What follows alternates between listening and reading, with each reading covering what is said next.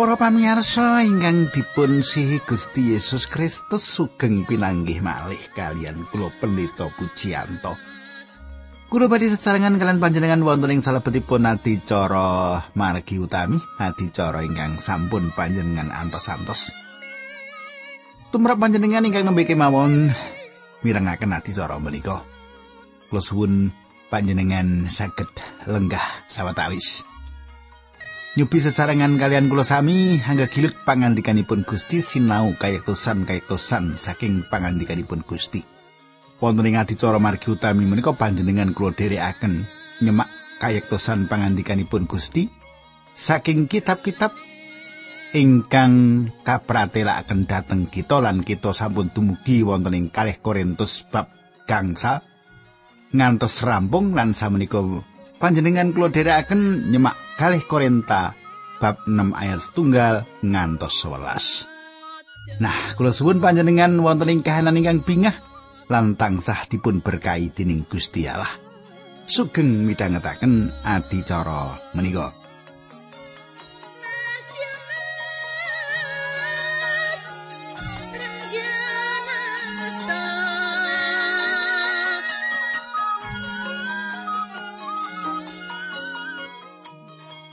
Para pamirsa menapa panjenengan tasih kemutan menapa ingkang kula aturaken duk nalika pepanggihan kepengker. Wonten ing pepanggihan kepengker, kula sampun ndherekaken panjenengan nyemak Paulus anggenipun ngemutaken bilih Gusti Yesus sampun gentosi kita. Gusti Yesus sampun gentosi kita babagan paukuman ingkang kedah kita tampi. Nah saderengipun kula lajengaken kita badhe ndedonga rumiyin nanging kula matur nuwun dumateng Ibu Dewi. Ugi Bapak Supriyadi ingkang sampun ngubungi kula. Menawi adicara margi utawi menika saged ndadosaken berkah lan kegiatan. Nambahi kawruh. Mugi panjenengan sehat Ibu. Lan monggo kita tumungkul kita ndedonga Duh Kanjeng Rama ingkang ada dampar wonten kraton ing kasuwargan kawula ngaturaken gunging panuwun menawi wekdal menika kawula saged tetunggilan kalian sederek-sederek kawula ingkang tansah midhangetaken adicara menika. Kawula nyuwun paduka berkahi kawula sami wonten ing adicara menika. Paling pangandikan paduka menika saged dados kegiatan kangge kawula dinambaran asmanipun Gusti Yesus Kristus kawula ndedonga. Haleluya. Amin.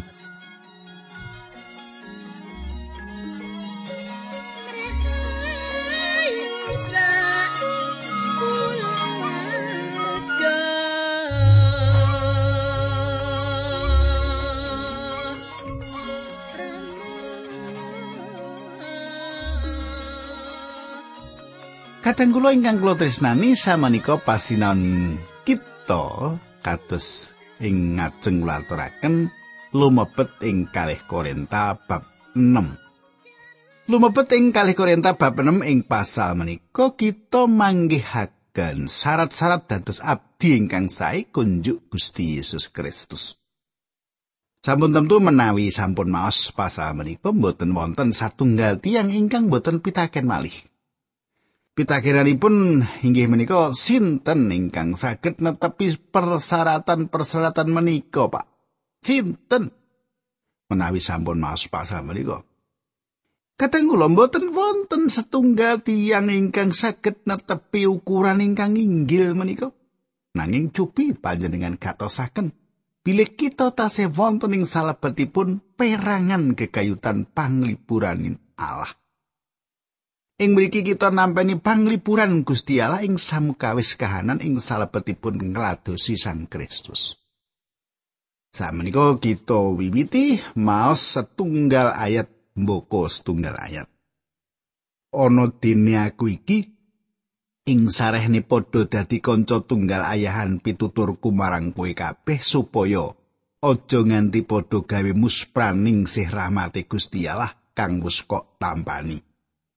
Kadang kula wonten tiang-tiang mriki ingkang dipun paringi ganjaran kasukman mucal. Menawi kula gadah setunggalipun ganjaran kasukman, mestinipun boten ganjaran kasukman mucal nggih. Awit menawi kula boten saged mbuktekaken ganjaran kasukman ingkang setunggal menika. kula mboten gadah ganjaran kasukman menapa kemawon. Wonten sedherek ingkang gadah ganjaran kasukman mucal, wonten ingkang gadah ganjaran kasukman dados pendeta, lan wonten tiyang ingkang gadah ganjaran kasukman ngladosi.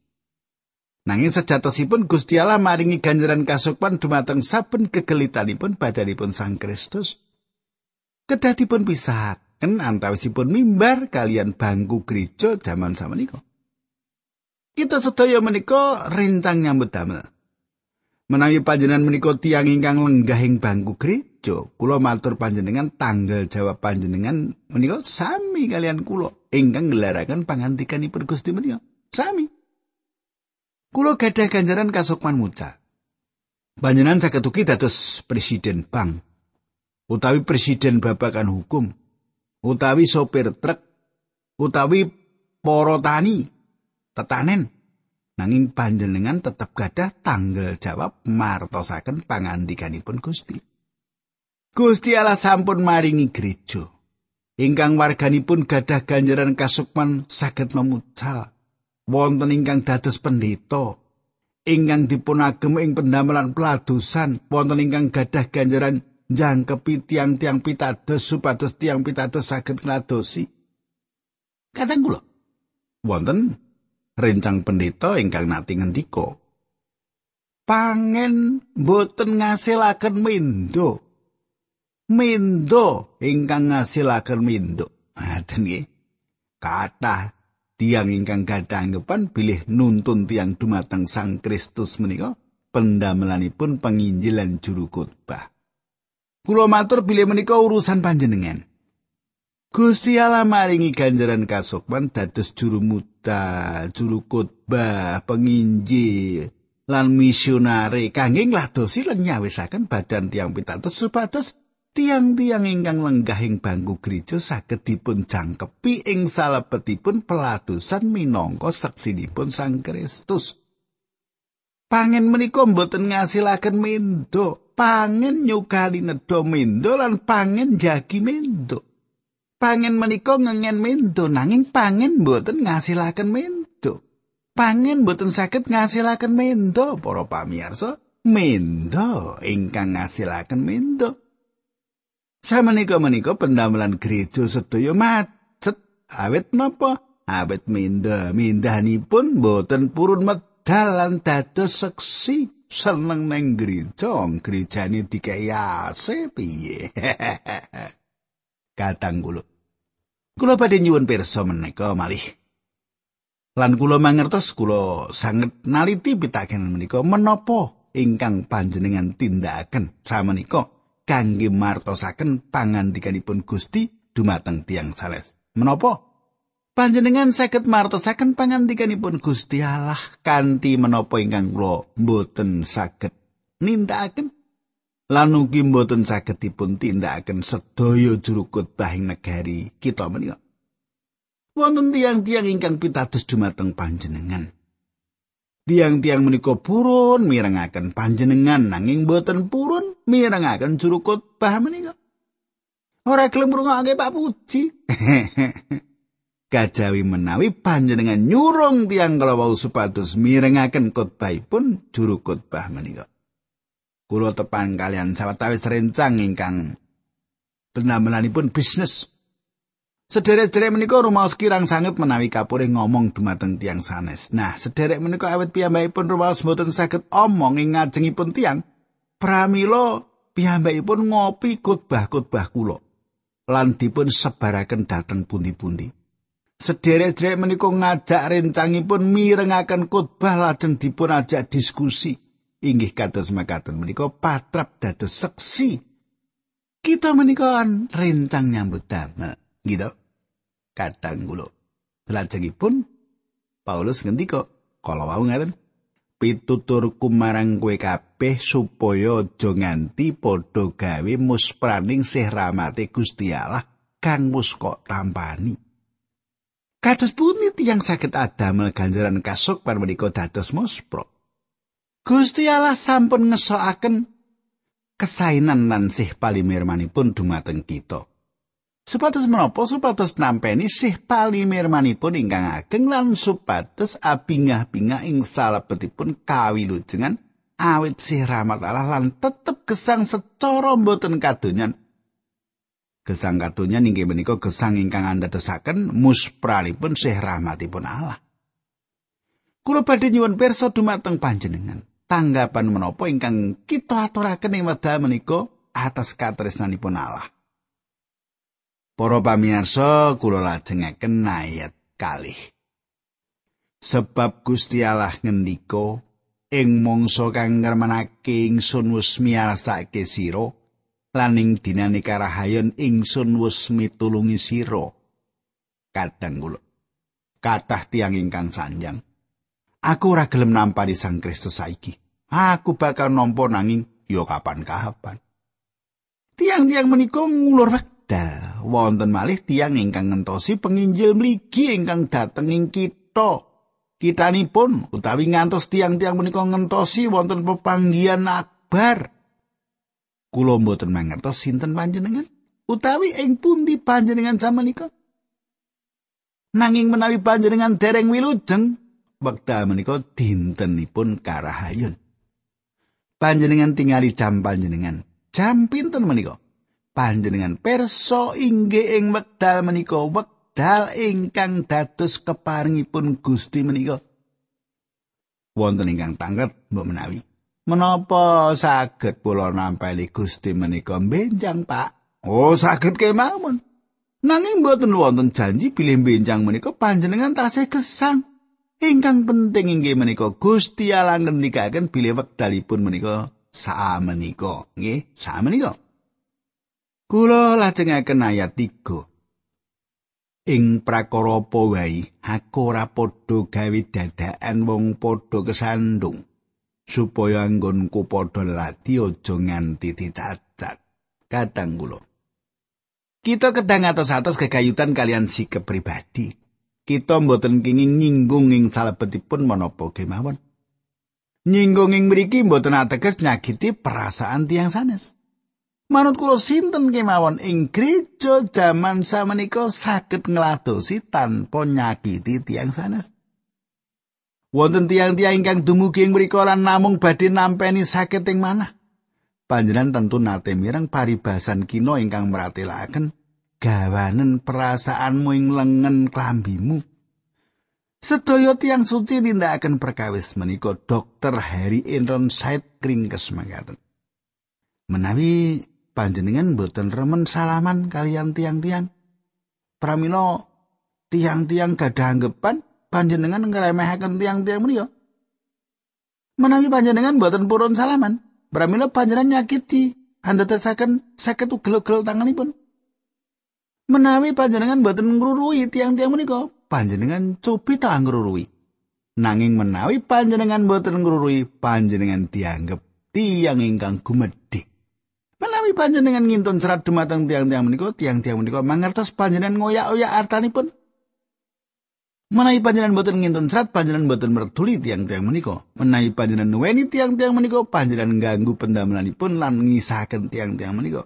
Nanging menawi panjenengan boten nuweni tiang-tiang menika, menika nedahaken menawi panjenengan boten wonten krentek pasederekan kalian tiang-tiang menika. Susah nggih. Nah, salajengipun ora padha gawe dadakan wong padha kesandung lelipun panjenengan kedambu didaya gesang supados boten wonten tiang setunggal kemawon ingkang ndakwa panjenengan lan janjang ndeleng uripe wong iku aku ora yakin bab keselamatan kang diperatelake ing mriki Paulus nyerat perkawis-perkawis ingkang kedahipun dados ciri pelatusan.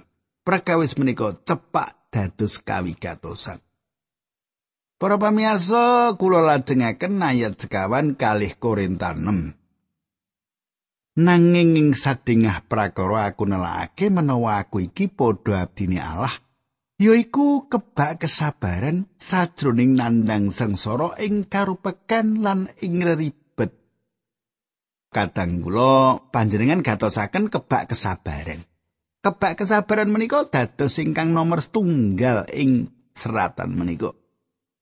Kulo badhe ngakeni dumateng panjenengan pilih babagan kesabaran. Ing mriki kula tansah kirang. Saged ugi menawi panjenengan sampun tepang kula panjenengan mirengaken khotbah kula babakan kesabaran. Panjenengan saged medal saking gereja. Kula tebih saking menapa ingkang dipun namekaken sabar menika. Lan kula sanes tiyang ingkang pas menawi khotbah perkawis kesabaran menika. Lan kaleresan kula ing wanci menika ngegirit ingkang kula aturaken boten wonten gegayutanipun kalian kesabaran. Nanging saking pangandika menika kesabaran menika nomor setunggal. Selajengipun kadang kula sajroning nandang sengsara. Kasangsaran menika satunggalipun kahanan ingkang dipun sandang dening kathah tiang ing salebetipun peladusan jaman-jaman menika. Karu pekan. Sederek ingkang ngraosaken cuwa ing manah utawi lahir ing tengah-tengahipun keluarga ingkang mlarat tentu saged paham gegayutan tembung menika. Ing wekdal kula njegur ing peladosan sasampunipun kula tamat sekolah teologi, kula nate mboten gadah arta kangge nedha. Kula ngraosaken karo pekan ing wekdal semanten. Dr. Henry Iron Said nyariosaken ing wekdal piyambakipun tasih dados pendeta muda ing khotbah ing satunggalipun papan tigang dinten. Lan piyambakipun boten gadah tetedan sak dangunipun tigang dinten. Dokter Hari sawekut baing ajengipun kumpulan tiang ingkang gadah pikiran bilih Dokter Hari gesang awit saking iman. Lan tiang-tiang menika ngejaraken abdi Gusti menika mboten nedha. Tiang-tiang menika ugi mboten nyukani arto supados saged tumbas tetedan ing dinten ingkang kaping sekawan Dokter Hari kedah milih menapa tetep turun ing tempat tidur tanpa sarapan utawi wunguran ngencengaken sabuipun. Imedal kados mekaten ujug-ujug piyambakipun ningali serat ingkang dipun tresepaken ing ngandhap lawang. Lajeng piyambakipun mandhap saking tempat tidur lajeng mendhet serat menika. Menika pratela saking patunggilan Kristen. Lan ing salabetipun serat menika wonten artanipun. Enjang menika piyambakipun medal lan saged sarapan ingkang sae piyambak ingkang nate dipun tedha saderengipun. Panjenengan katasaken ugi sajroning nandang sangsara ing karo pekan lan ing ribet. Seratan kula wau nggih. Kata sedherek ingkang saestu mangertos menapa leripun tembung-tembung menika lan kados pundi raosipun. Turunan ingkang langkung nem boten mangertos. Inggih menika ingkang dados jurang pemisah antawisipun turunan ingkang sepuh lan turunan ingkang nem. Terus ayat gangsal nggih. Ing sajroning kasiksa kakunjur lan pageger, rekoso, kepeksa melek lan kepeksa ngelih. Panjenengan katosaken ing sadroning kasiksa.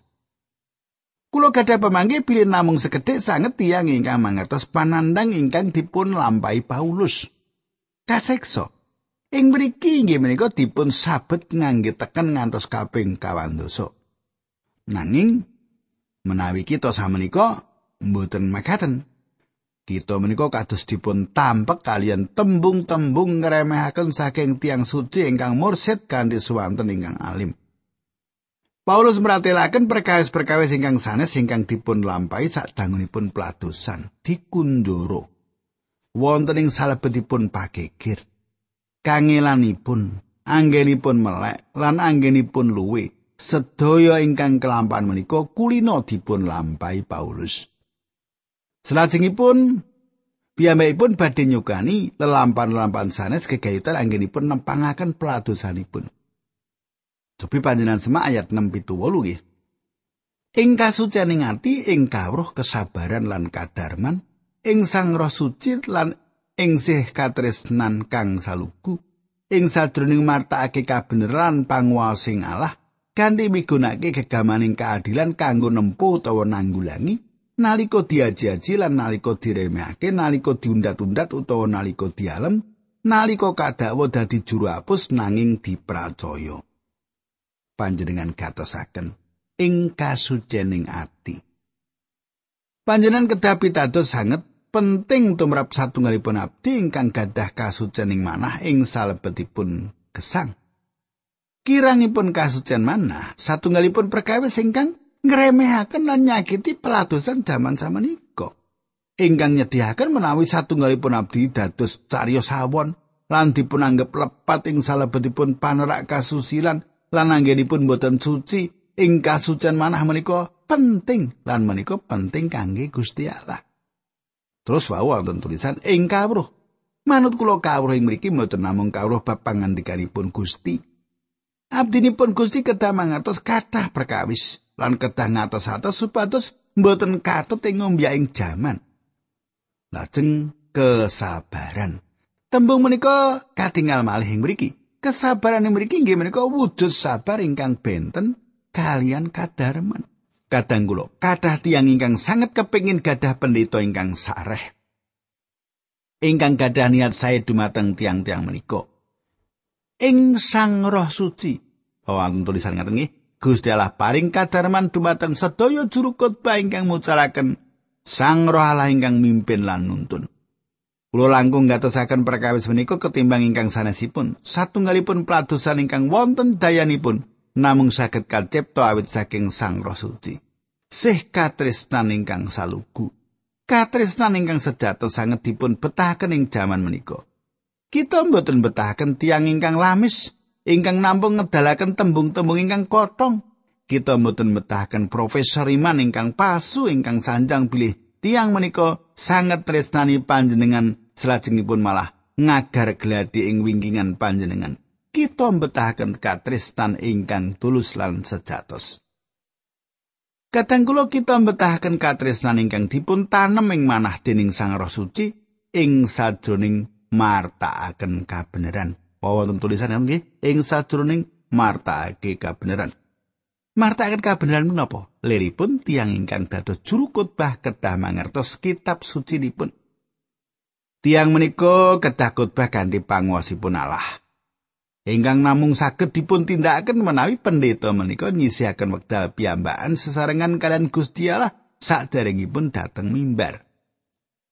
Kanthi migunakaken gegamaning keadilan kangge nempuh utawa nanggulangi wonten wau tulisan nggih kanthi migunakake gegamaning keadilan kanggo nempuh utawa nanggulangi. Pantes secawis sing samukawis palagan. Siap di dalam segala medan. Salajengipun Paulus maringi sangang tembung ingkang relawanan antawisipun setunggalan sanesipun ingkang dados tondo tiang ingkang dados kagunganipun Gusti Allah. Naliko diaji-aji lan naliko diremehke, naliko diundat-undat utawa naliko dialem, naliko didakwa juru apus nanging dipracaya. Kula lajengaken kalih Korintus 6 ayat 9 lan 10. kaya wong kang ora ana kang wanuh nanging kondang kaya wong kang meh mati mongko padha urip kaya wong kang disiksa nanging ora mati kaya wong kang sedih nanging tansah bunga-bunga kaya wong kang mlarat nanging nyugihake wong akeh kaya wong kang ora duwe apa-apa nanging aku padha duweni samubarang kabeh kadang kula Naliko diaji-aji lan naliko diremehake, wonten saperangan tiang ingkang setuju kalian kita nanging ingkang sanesipun boten. Inggih menika ingkang dados jalaran wontenipun keseimbangan peladusan. Naliko diundat-undat utawa naliko dialem, sinaosa wonten tiang sanjang pilih kita awon. Kita tetep ngladosi Gusti. Shakespeare gadah satunggal tokoh ingkang meratilaken wong-wong kuwi ngalembono aku lan ngremehake aku. Saiki mungsuhku kanthi blak-blakan kondo yen aku iki bagal saka mungsuh-mungsuhku. Aku etuk kawruh lan kanca-kancaku patrape marang aku malah kejem. Para pamirsa pangalembono ingkang kelangkung-langkung nyakitaken manah dipun banding kalian kritikan. Nalika kadhawa dadi juru apus nanging dipercaya, kita dipun sebat dados juru apus nanging kita martosaken kayektosan pangandikanipun Gusti. Kaya wong kang ora ana kang wanuh nanging kondang. Abdinipun Gusti Allah saged ugi mboten patos dipun tepang dening donya. Nanging piyambakipun dipun tepang dening Gusti Allah, kaya wong kang meh mati mongko padha urip. Paulus sampun pecah. Nanging piyambakipun nampani gesang enggal ing salebetipun Sang Kristus, kaya wong kang disiksa nanging ora mati. Paulus kata sangat nglampahi dipun alio, dipun gebak, dipun pecut, dipun sawati selo, nanging piyambakipun tetep gesang. Kaya wong kang sedih nanging tansah bunga-bunga, kaprihatosan dipun tujuaken kangge dosa, tiang kata lananginipun tiang-tiang menika nampi Injil. Nanging Paulus abinga-abinga ing salebetipun Sang Kristus. Kaya wong melarat nanging nyugihake wong akeh Menawi panjenengan kepanggih abdi Gusti ingkang sugih, panjenengan kedah ngatos-atos. Kadang kula ing salebetipun pelatusan tiang-tiang boten gadah pengajeng-ajeng dados tiang sugih. Kaya wong kang ora duwe apa-apa nanging aku padha duweni samubarang kabeh. Panjenengan mesinipun kemutan Paulus meratelaken ing salebeting seratipun ingkang kawitan dumateng pesaman Korintus bilih samukawis menika gadanipun. Menika nyakup perkawis-perkawis sing salebetipun jagat gesang pati jaman samenika utawi mangsa tembe. Iku kabeh darbekmu nanging kowe padha dadi kagungane Sang Kristus sarta Sang Kristus iku kagungane Gusti Allah. Setunggal Korintus 3 ayat 23 ngantos 23. Oh, kados menapa sugihipun kita nanging kita tetep miskin. Ah, para pamirsa, wis dikedepi operatore, kula ketah Pungkasi samenika dipun lajengaken dinten candhaipun monggo kita ndedonga. Kanjeng Rama ing swarga kawula ngaturaken gunging panuwun menawi ing wekdal menika sampun paripurna angin kawula ngegilut pangandikan paduka paduka berkahi sanak kadang kawula menika dinambaran asmanipun Gusti Yesus kawula ndedonga. Haleluya. Amin.